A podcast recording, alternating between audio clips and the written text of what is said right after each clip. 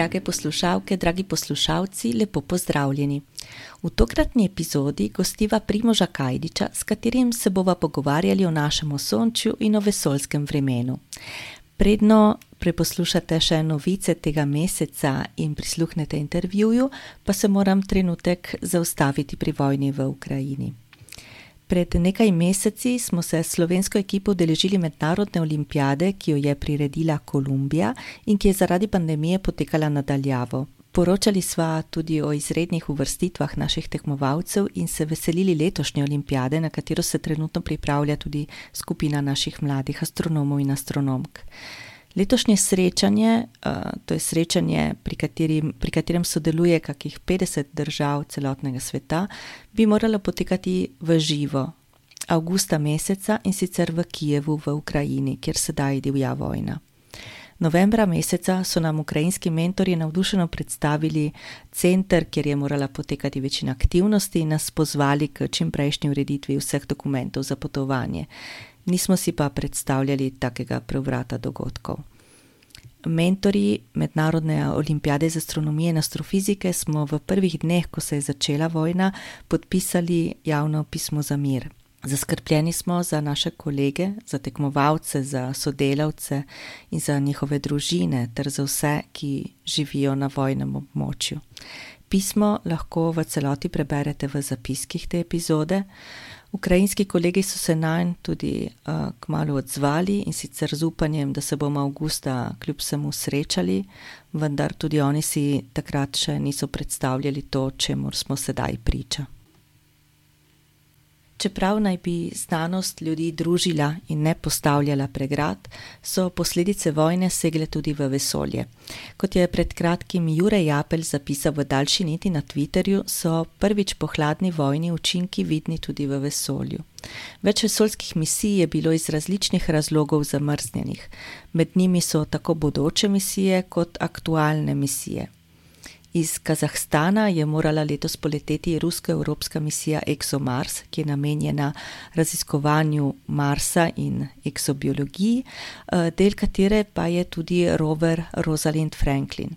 Misija je pred dvema letoma zaradi težav s padali morala počakati na letošnje izstrelitveno okno in trenutno še ni znano, ali bo izvedena in kako. Med aktivnimi sateliti omenim uh, rentgenski teleskop Erosita, ki je del večjega observatorija za rentgenske in gama žarke, ruskega Spektr RG. Erosita je zamrznila delovanje in zajemanje znanstvenih podatkov, uh, do sedaj je opravila samo polovico svojega dela. No, in pri vsem tem je bilo postavljeno tudi pod vprašaj delovanje mednarodne vesoljske postaje. Njen ruski in ameriški del namreč ne moreta delovati ločeno. Ruski del je med drugim odgovoren za popravljanje orbite in za pritrditev vesoljskih plovil, vendar zgleda trenutno, da partnerstvo še stoji. V prejšnji epizodi sva gostili Andrejo Gomboc in sva se tudi pogovarjali o ženskah in dekletih v znanosti. In mesec žensk in deklet v astronomiji, ki se je pričel 11. februarja, se sedaj zaključuje in sicer jutri 8. marca. Um, zato vas vabiva, da poslušate epizode tega podcasta, v katerih nastopajo znanstvenice. Nekaj teh epizod sva zbrali v niti na Twitterju in deliva povezavo do njih v zapiskih. Eh, in naj omeniva tudi, da bo ravno 8. februarja posvet znanstvenice v medijih. Povezavo um, torej do tega dogodka najdete v zapiskih. Sedaj pa preidimo na druge vesoljske novice.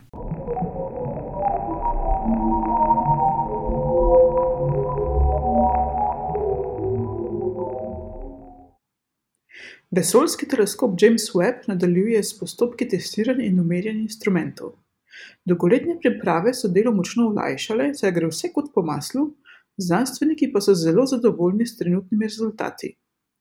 Do sedaj so upravili dva od sedmih korakov pri poravnavi zrcal. Vsako izmed 18 zrcal so poravnali na grobo, tako da sedaj delujejo kot 18 manjših teleskopov, ki svetlobo zvezde potem združijo v eno sliko. V prihodnjih dneh in tednih sledijo naslednji koraki, ki vključujejo še bolj natančno poravnavo zrcal. Astronomska opazovanja so pokazala, da je komet Bernardinelli-Bernstein, ki je bil odkrit lansko leto, megakomet. Povprečna velikost kometov je okoli 10 km, Bernardinelli-Bernstein pa v primeru meri kar 137 km, kar ga po velikosti umešča na prvo mesto med klasičnimi kometi. Z radijskim teleskopom Alma v puščavi Atakama so astronomi opazovali mikrovalove, ki jih oddaja ta komet. Pri tem so lahko razločili med sevanjem kometovega jedra in prahu, ki ga obdaja, in iz tega sklepali na njegovo velikost. Gre za največji komet, ki prihaja iz ortovega oblaka na robu Sonča.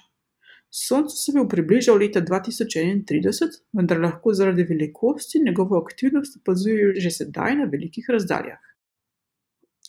Okoli Soncu najbližje zvezde Proxima Centaura so odkrili tretji planet. Proxima je od Sonca oddaljena štiri svetlobna leta. Leta 2016 so okoli nje odkrili prvi planet Proxima b, ki se nahaja v območju naseljivosti, v začetku leta 2022, pred nekaj tedni pa so potrdili obstoj še tretjega, ki so ga poimenovali Proxima d. Planet je zelo majhen, njegova masa je ocenjena na le četrtino Zemljine. Njegovo leto traja le pet zemeljskih dni, okoli zvezde pa kroži na razdalji, ki je desetkrat manjša kot razdalja med Merkurjem in našim Soncem.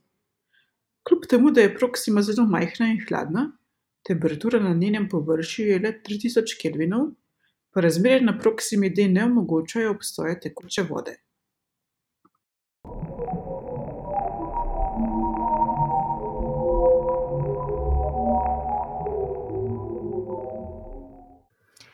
Danes je z nama v podkastu Temna stran Lune gost Primoš Kajdič. Lepo pozdravljen. Ja, lep pozdrav še vama v Slovenijo, oziroma na Kanarske toke. ja, tako je. Tokrat pač snemamo, smo deljeni v treh različnih lokacijah po svetu. Uh, torej, Primoš, ti delaš v Mehiki in, če se ne motim, si zaposlen kot raziskovalec oziroma kot profesor na Universidad Nacional Autonoma de Mexico če sem prav povedala. Ja. Uh, in doma si iz Prekmurja, je tako? Iz Murske sobote. Ja. In doštudiral si v Ljubljani. Kaj se je pa potem zgodilo, oziroma kako si nadaljeval svojo raziskovalno pot?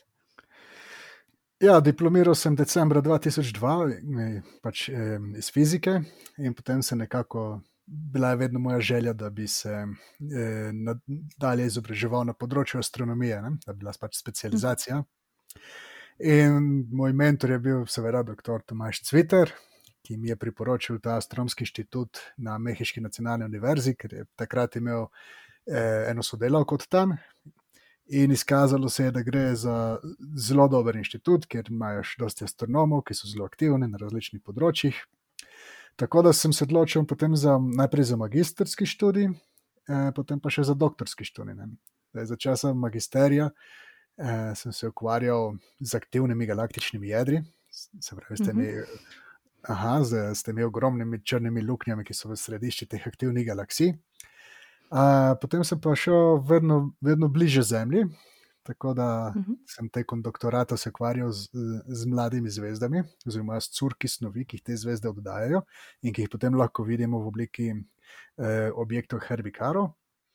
Uh, po končanem doktoratu sem pa šel še prišel še malo bližje, ne? sem pa začel eh, delati na področju vesolske, vesolske fizike. Ne? To pomeni sonce in sončev veter in kako pač, um, pač različni pojavi, ki se pojavijo v medplanetarnem prostoru. Ne? In da predvsem za, za naše poslušalce zagotovo um, ne vedo vsi, kaj to je, torej kaj je sončev veter in kaj je vesoljsko vreme in za katere pojave gre tukaj, s katerimi se, se zdaj trenutno ukvarjaš. Ja, zdaj um, se pravi nekako centralni objekt mojega zanimanja, ne, seveda Sonce, to je tudi eh, pač. Um, Centralni objekt našega Sonča, ne?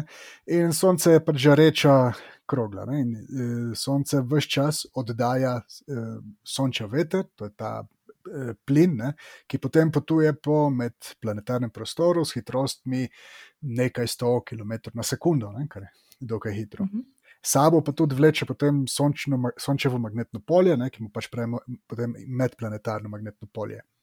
In zdaj to ni en plin, ki bi bil vse čas enak, njegove eh, lastnosti se spremenjajo s časom. In eh, drug tak pojav, ki ga najdemo v sončevem vetru, so pa ogromni izbruhi koronalne snovi, ki se zgodijo sicer v sončevi kromosferi in potem tudi potujejo po medplanetarnem eh, prostoru in lahko dobijo hitrosti tam do 2000 km na sekundo. In če potem dosežejo naš planet, Zemljo, ne, potem povzročijo, lahko povzročijo eh, tako imenovane geomagnetne nevihte. Ne. To so pač te perturbacije našega magnetnega polja in te geomagnetne nevihte potem spremljajo različni pojavi. Najlepši so tisti polarni siji, ki se ponavadi sicer opazujejo iz področji, ki so blizu polom. Ne. Eh, vendar tekom zelo močnih geomagnetnih neviht so bili opaženi tudi na zelo nizkih geografskih širinah. Um, manj prijetni pojavi, ne, ki, so, ki, ki spremljajo geomagnetne nevihte, pa so tisti, ki, ki pač ogrožajo, da te geomagnetne nevihte lahko potem ogrožajo naše tehnološke sisteme, bodi si to električne omrežja, telekomunikacije, naše umetne satelite, celo zdravje, eh, recimo astronautov in tako naprej. Ne. Tudi pred kratkim, če se ne motim, ne, so, eh, so ravno na tako novih tam. Ja, 3. februarja je to bilo, je pač se zgodilo to, da je eh, tale, to podjetje SpaceX eh, lansiralo v orbito 49 satelitov, eh, Starlink. In so imeli ravno to nesrečo, da se je takrat dogajala geomagnetna nevihta, ki sploh ni bila zelo uh, močna geomagnetna nevihta, ampak je povzročila, da so se zgornje plasti atmosfere nekoliko segrele, nekoliko razširile in se je na tistih višinah, kjer so bili takrat tisti Starlinkovi sateliti, malo povečala gostota z, uh, ozračja. In to je potem povzročilo, da, ti, da je 40 od 49 satelitov eh, potem izkusilo ta zračni upor več, kot je bil pričakovan, in to je potem eh, povzročilo, da so, eh, da so ponovno vstopili v atmosfero, kjer so zgoreli. Ne? To je 40 eh, teh satelitov. Ti si kdaj tudi videl polarni sih, tako mimo grede? Ne, še je pa moja želja. Zdaj čakam na um, prihodnji um, sončev maksimum, tam, ki bo leta 2025. Eh, pa upam, da bomo naredili kako potovanje, mogoče v Kanado ali pa kam, da si ogledamo te eh, polarne sije. Uh, kaj pa iz Slovenije, recimo, se da to videti, kdaj, kje, kako, ki uh, obstajajo tudi spletne strani z napovedmi, ki se ta to, to spremljati? Ja, um, napoved polarnega sija se, pravi, eh, se da spremljati. Obstaja celo aplikacija na mobilnih telefonih, mislim, da se imenuje Aurora Forecast, in tam eh, ti izrišajo ta aurorni oval. Ne? Ker če gledamo mhm. te polarne sije iz vesolja, potem vidimo, da, se, eh, da, da so omejeni na eno področje, ki tvori en tak kvazi krok, ne, okrog polo. In ta krok ima pač recimo, različen pomer in tekom geomagnetne nevihte močno razširi. V preteklosti vem, da so bili opaženi polarni siji iz Slovenije. Um, se pravi, se, se spomnim, da, da so bile eh, novice med astronomsko skupnostjo. Um, je pa tudi to, da so v preteklosti se že dogajale ekstremne geomagnetne nevihte, ko so bili polarni siji videni iz Španije, pa tudi iz Kube. In, eh, ne, tako da potem prav gotovo lahko jih pozvali tudi v Sloveniji, ne, če je vreme dopuščalo. Vesoljsko vreme smo doslej povezovali, oziroma ga omenjali samo v povezavi z Zemljo. Kaj pa pri ostalih planetih, lahko tudi oni začutijo učinke Sonca in sončevega vetra?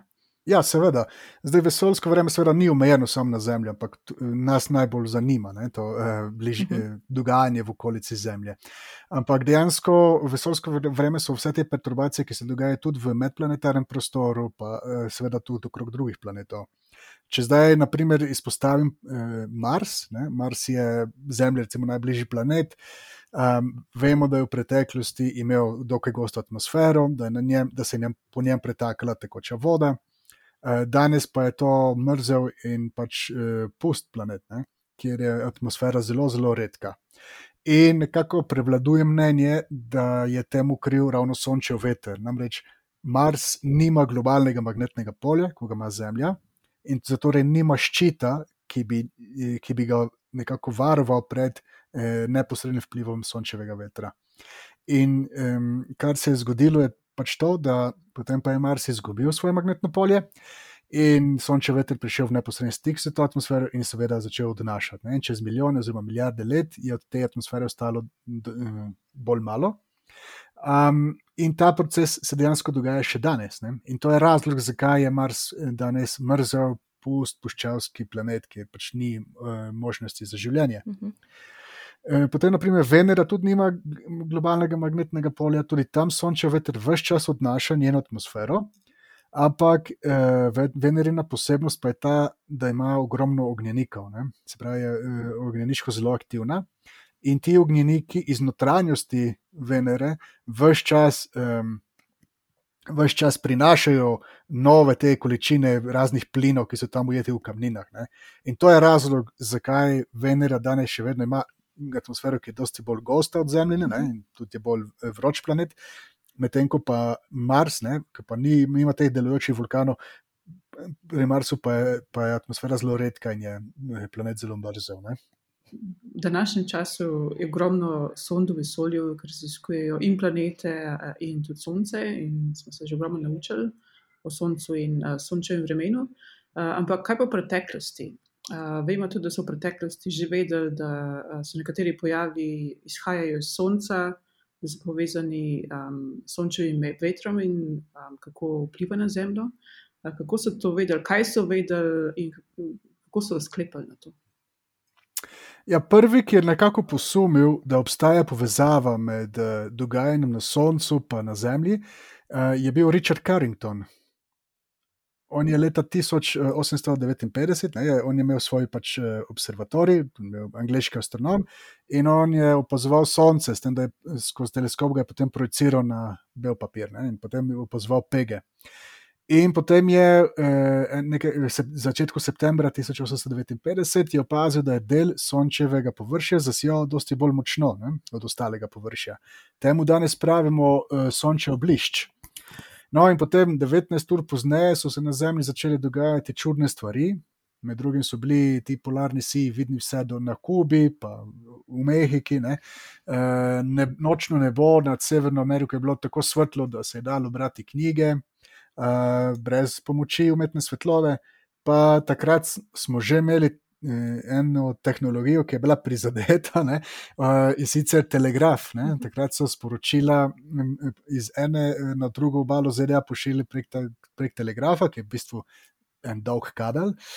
No, in te, ta dogodek, ki se je zgodil, je bila geomagnetna nevihta, ki jo danes poznamo kot Carringtonov dogodek.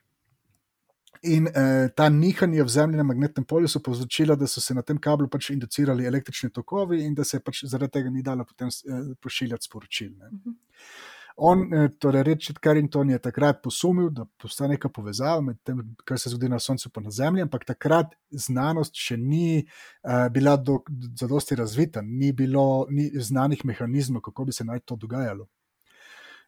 Drugače pa že od nekako začetka 20. stoletja naprej, pa so astronomi že vzpostavili povezavo med Soncem in pa temi geomagnetnimi vihtami, In sicer to je bilo pa iz, prav, prav iz statističnih podatkov, eh, ker so pač opazovali aktivnost Sonca, eh, šteli so pač število sončevih peg na njem, eh, in to so potem eh, ugotovili, da ko je število peg večje, takrat več, eh, se zgodi več polarnih sijev, pa tudi bolj pogoste so geomagnetne nevihte, ne, in pač obratno, ni manjša aktivnost Sonca. Pomeni manj geomagnetnih viht, manj polarnih sijev. Tako da nekako od začetka 20. stoletja naprej, pa že vemo, da um, da, da je sonce krivo za določene pojave. Um, potem je bila še vedno debata, ne, kako bi se naj to dogajalo, ker sonce je vseeno 150 milijonov km stran od Zemlje.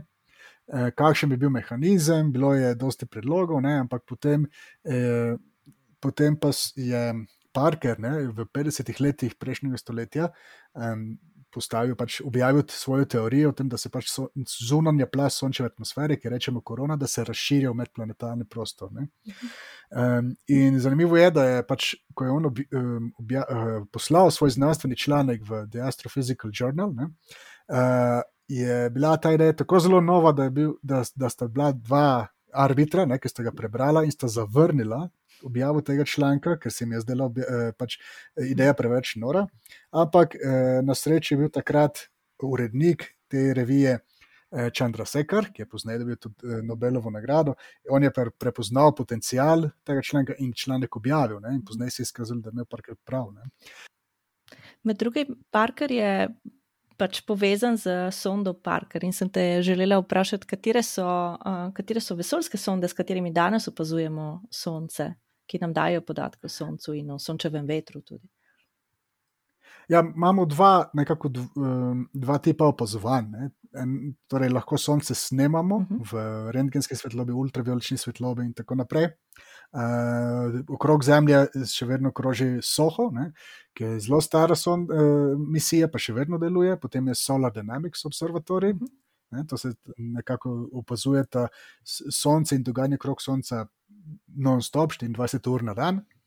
Uh, potem, je, um, potem je ta misija Stereo, ker ste v, zač v začetku leta 2007 bili poslani dve identični sondi ne, okrog Sonca.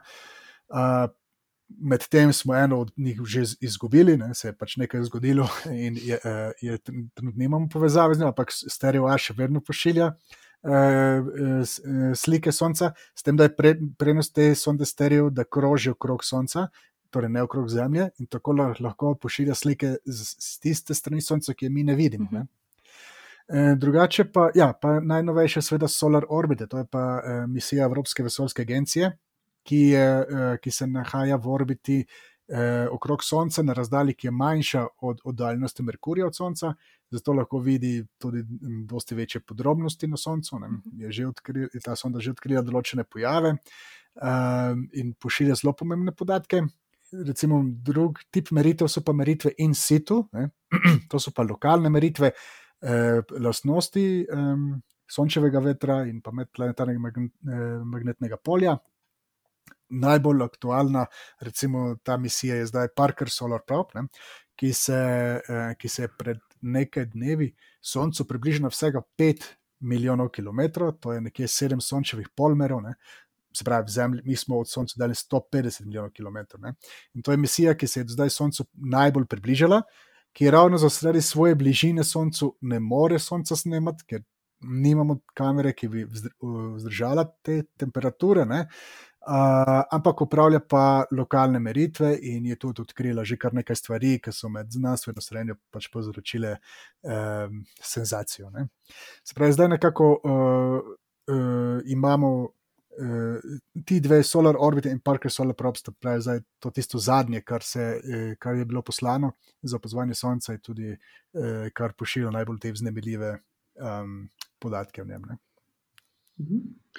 Uh, to kam pa seže vpliv Sonca? Zdaj vemo, da smo že nekajkrat slišali, da je ciljem na Voyagerja uh, dosegla mejo Sonča. Do kam seže vpliv Sonca?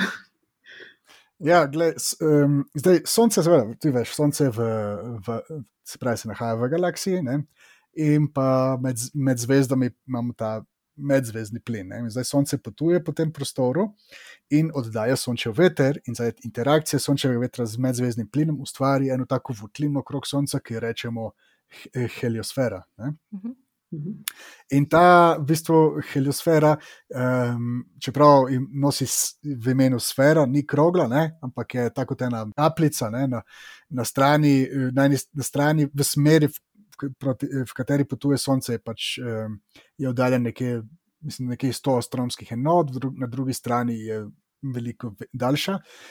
In zakaj znotraj te heliosfere um, se nahaja. Uh, torej plin, ki ga najdemo, je večinoma sončev veter. Ne? Mhm. Nekaj tudi eh, atomov, ki prijajo iz, iz medzvezdnega eh, prostora, ampak ti so v manjšini. Ne? Pa tudi magnetno polje znotraj heliosfere prihaja iz Sonca. Ne? No, na meji, nekje na meji, med, uh, oziroma obstaja več mej, kjer se zdaj ta heliosfera počasi končuje. Ena je seveda tam se reče terminalni udarni val, uh, potem pa je še mejna plas heliosfere, ki pa rečemo heliopausa. Uh, In to uh, heliopauso sta do zdaj, uh, recimo, sta, sta prepotovali, sta jih dosegli samo uh, dve misiji in sicer Voyager 1, oziroma ja, dve, dve sondi, Voyager 1 in Voyager 2. Ne. Voyager 1 je, in ko enkrat stopiš, ko, pre, ko uh, prečkaš to mejo, potem se znajdeš pa v medzvezdnem prostoru. Ne. To se je zgodilo na primeru Voyager 1 leta 2012, na primeru Voyager 2 2018. In nekako, čeprav je bilo kar nekaj debate okrog tega, ne, ampak um, podatki, ki so znanstvenike prepričali, da se je to zares zgodilo, eh, so pa podatki o kozmičnih delcih. Namreč, ko sta obe sondi Voyager, ne, ko sta pristopili v medzvezdni prostor, se je povečala intenzivnost tako imenovanih galaktičnih ter izvengalaktičnih kozmičnih delcev. To so delci, kot so naprimer pro, uh, protoni, pa elektroni, pa potem jedra tež, težjih elementov, ki imajo zelo, zelo, zelo visoke energije um, in, ki, in nekaj teh uh, delcev uh, pač. Uh, Ne, zaradi različnih razlogov ne more vstopiti not v, v, not v heliosfero. Ne. Zato, ko, ko sta prišli ven, ne, se je pač njihova intenzivnost zelo povečala. Po drugi strani se je pa zmanjšala uh, intenzivnost kozmičnih delcev, ki pa prihajajo iz Sonca. Ne. Mhm. In to je bil potem ključni dokaz, ne, da, da sta res ti dve sondi uh, že v medzvezdnem prostoru zaenkrat še pošiljata določene podatke proti Zemlji, merita predvsem gostoto magnetnega polja. Uh, ampak v prihodnjih nekaj letih bosta ti dve sondi nehali delovati, ne bosta pa nehali potovati, ne? ker ne morete se vrniti na Zemljo. Tako da bosta potovali, dokler pač uh, ne, zavednost, prav, praktično. Ne? Kako dobro poznamo pa naše sonce, oziroma katera so še trenutno nerešena vprašanja glede tega, kako deluje in sonce, in sončev veter, in, in vse, kar je z njim povezano. Ja, zdaj, eh, ta ena skrivnost, recimo, ki muči znanstvenike že vsaj sto let, ne, je, zakaj je ta zunanja plast sončeve atmosfere, ki rečemo korona, zelo, tako zelo vroča, ne, med ena in dva milijona Kelvinov, ne, kar je dosti bolj vroče od eh, površja Sonca, ki ima nekje 6000 Kelvinov. Ne. Uh, in to je ena izmed ugank, za katero upamo, da jo bodo pomagali razrešiti podatki misije Parker Solar Probe. Ne. Se pravi, zakaj, zakaj je ta, eh, tem, ta porast temperature, ne? ki se pa, poleg tega zgodi, uh, zgodi na dokaj majhnih. Torej, eh, če, gledamo od, če gremo od Sonca na vzven, je najprej ta kromosfera, ki ima nekaj 20.000 Kelvinov, ne, temperaturo, potem pa korona. Ampak ta prehod, ta, to povečanje temperature z 20.000 na 2 milijona Kelvinov se zgodi na, na zelo to, to na enem intervalu višinke zelo majhen, ne? nekaj sto km. Ne? To, torej, tu bo treba, eh, to je torej, tak en tak misterij, ki ga bomo morali rešiti. Ne? Drugo pa tudi eh, veliko podrobnosti o tem, kako dejansko sončijo veter, ne? kako ta plin je, je potem dejansko izvržen v medplanetarni prostor. Tudi tukaj obstaja še veliko nejasnosti. Namreč obstajata dva tipa sončevega vetra, hiter, veter, hiter sončev veter, pa počasen sončev veter. Počasen pomeni hitrosti, ki so manjše od 450 km na sekundo. Um, in tu je še uh, malo nejasnosti, ne? ni, ni še čist jasno, uh, um, kako. Se pravi, mehanizem, kako točno potem ta eh, plin potem pride v, med, v medzvezdni prostor, kako se odlepi od sonca. To, eh, to, to bo še ena takih eh, skrivnosti, ki upamo, da, eh, bo, da bo razrešena. Primož, pred kratkim si se lotil tudi projekta Sončni blok in to je spletna stran, ki je namenjena našemu sončju. V njem pač pišeš o zanimivih pojavih, ki so povezani z našim osončjem, objavljaš in sestavljaš tudi zanimive videoposnetke, ki jih deliš na YouTubu in jih tudi objavljaš v obliki podcasta. Eh, kako si se lotil takega podviga, in zanima me tudi, katere so tiste zanimivosti, ki še najbolj privlačijo tvoje poslušalce in gledalce in bralce? Ja, eh, torej ideja, da bi nekako bolj aktivno sodeloval v popularizaciji teh tem, ne, ki so povezane s Soncem, pa z dogajanjem v Sonču. Ta ideja je bila že dolgo prisotna, ampak ne vem, zakaj. Nekako pred pol leta sem se odločil, no, zdaj pa bomo poskusili. Um, mogoče k temu tudi malo prispevala uh, pandemija, ne?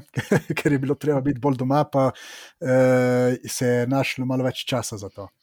Um, ja, um, tudi zdaj ta sončni blok, ki je v slovenskem jeziku, in nekako moj vtis je, da se o temah, ki so povezane s soncem, pa s sončnim vetrom, dokaj malo govori. Um, verjetno boste tudi vi, vidve se strinjali, da tekom študija na fakulteti za matematiko in fiziko, tudi če študiraš astronomijo, o tem se ne govori kaj dosti, ne, o teh temah. Ne. Um, ampak je, je pa moje mnenje pač tako, da, eh, da je to naša soseščina. Spravi, sončev veter je dejansko so to uh, pojavi, ki so tisti, ki najbolj neposredno vplivajo na naše življenje. In zato uh, sem rekel, okay, da, bi pač, da bi bilo vredno zapolniti tole luknjo. E, tako da sem se pač uh, sem poiskal malo teme, ki so se meni zdele zanimive. E, sem naredil nekaj videov, zdaj objavljam en video, nekako, oziroma eno zgodbo, ne, vsaka dva tedna, zgodbe lahko si jo pogledajo na YouTubu, poslušajo podcast ali preberejo ne, na sončnem blogu. Um, In uh, no, upam, da bo, mislim, da je že pritegnila no, kar nekaj ljudi, pa upam, da jih bo še več. Uh, Pričemer, moram reči, da sem naletel kar na pozitiven odziv, uh, na vse zadnje. Um, tudi, naprimer, um, sva se zmenila z urednikom revije Spika, ne, da je bila ena zgodba objavljena zdaj le v Spiki. Tako da, ja, okay, je spodbudno. Ne, če seveda, če uh, vajne poslušalce povabim, naj, si, naj se ugledajo sončni blok. Ne, uh, Če jih bo dovolj, pa bom seveda s tem tudi nadaljeval naprej. Ne? Seveda, medve bova povezave dodala tudi v zapiske. In uh, mislim, da se s tem uh, zahvaljujeva tudi, uh, tudi tebi, da si prišel k nama v goste, in se, seveda ob naslednji priložnosti te bomo zopet izrabili, da nam, bo, da nam boš kaj zanimivega povedal spet o, o sončju in o vseh zanimivostih, ki se tukaj v naši soseščini dogajajo. Hvala za, uh, za tvoj čas. Ja, hvala vama za vabilo in pa lep pozdrav v Slovenijo. Hvala.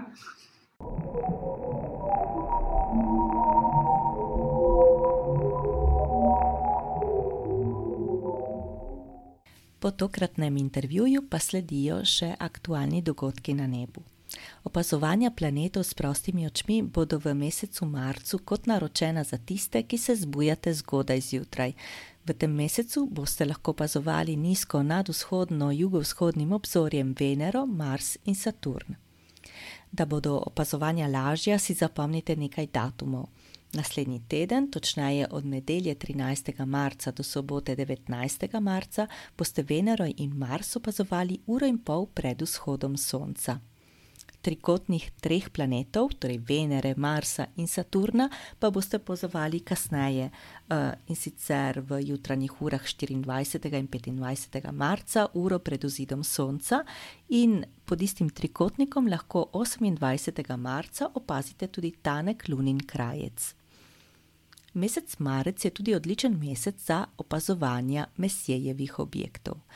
Mesijevi objekti so objekti kataloga, ki ga je oblikoval originalno leta 1774 francoski astronom Charles Messier in kasneje je bil katalog tudi dopolnjen. Sestavlja ga namreč 110 različnih astronomskih objektov, od zvezdnih kopic do ostankov supernov in oddaljenih galaksij. Katalog je originalno služil kot pomoč iskalcem kometov, kot je bil ravno Messier, da ne bi teh objektov zamenjevali za nove komete. Objekte kataloga lovijo tudi tekmovalci Messierovega maratona. Cilj maratona je v čim krajšem času v svoj teleskop ročno postaviti uh, pač te objekte, ki jih potem potrdijo izkušeni opazovalci, sodniki. Pri tem je pomembno dobro poznavanje območij neba in opreme, s katero se tekmuje. Po nekajletnem premoru so maraton organizirali Astronomsko društvo Teleskop v sodelovanju z Astronomsko revijo Spika in Društvom matematikov, fizikov in astronomov Slovenije. Maraton je potekal v Trnovem pri Novi Gorici, zgodil se je preteklo soboto, 5. marca.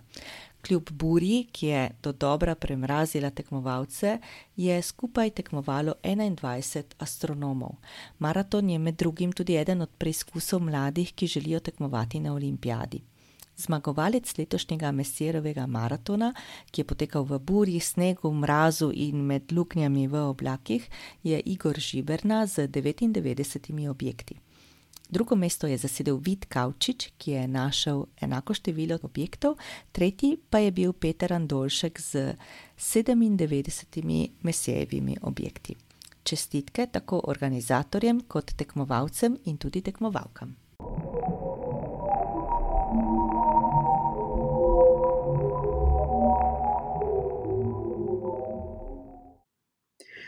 Temna stran Lune je podcast za vse radovedne ljudi, ki jih privlači vesolje. Novo epizodo najdete prvi ponedeljek v mesecu v vaši najljubši aplikaciji. Obljubljena zvočna uganka, ki je iz tehničnih razlogov odpadla februarja, bo objavljena čez dva tedna. Zvočna uganka bo tokrat o glasbenih inštrumentih v vesolju. V tokratni oddaji je bil gost Primoš Kajdič, s katerim smo se pogovarjali o sončevem vetru in našem sončju. Vabljeni, da mu prisluhnete in ga spremljate v sončnem blogu. Z vprašanji, mnenji in predlogi se nam oglasite na družbenih omrežjih, kjer so temna stran Lune.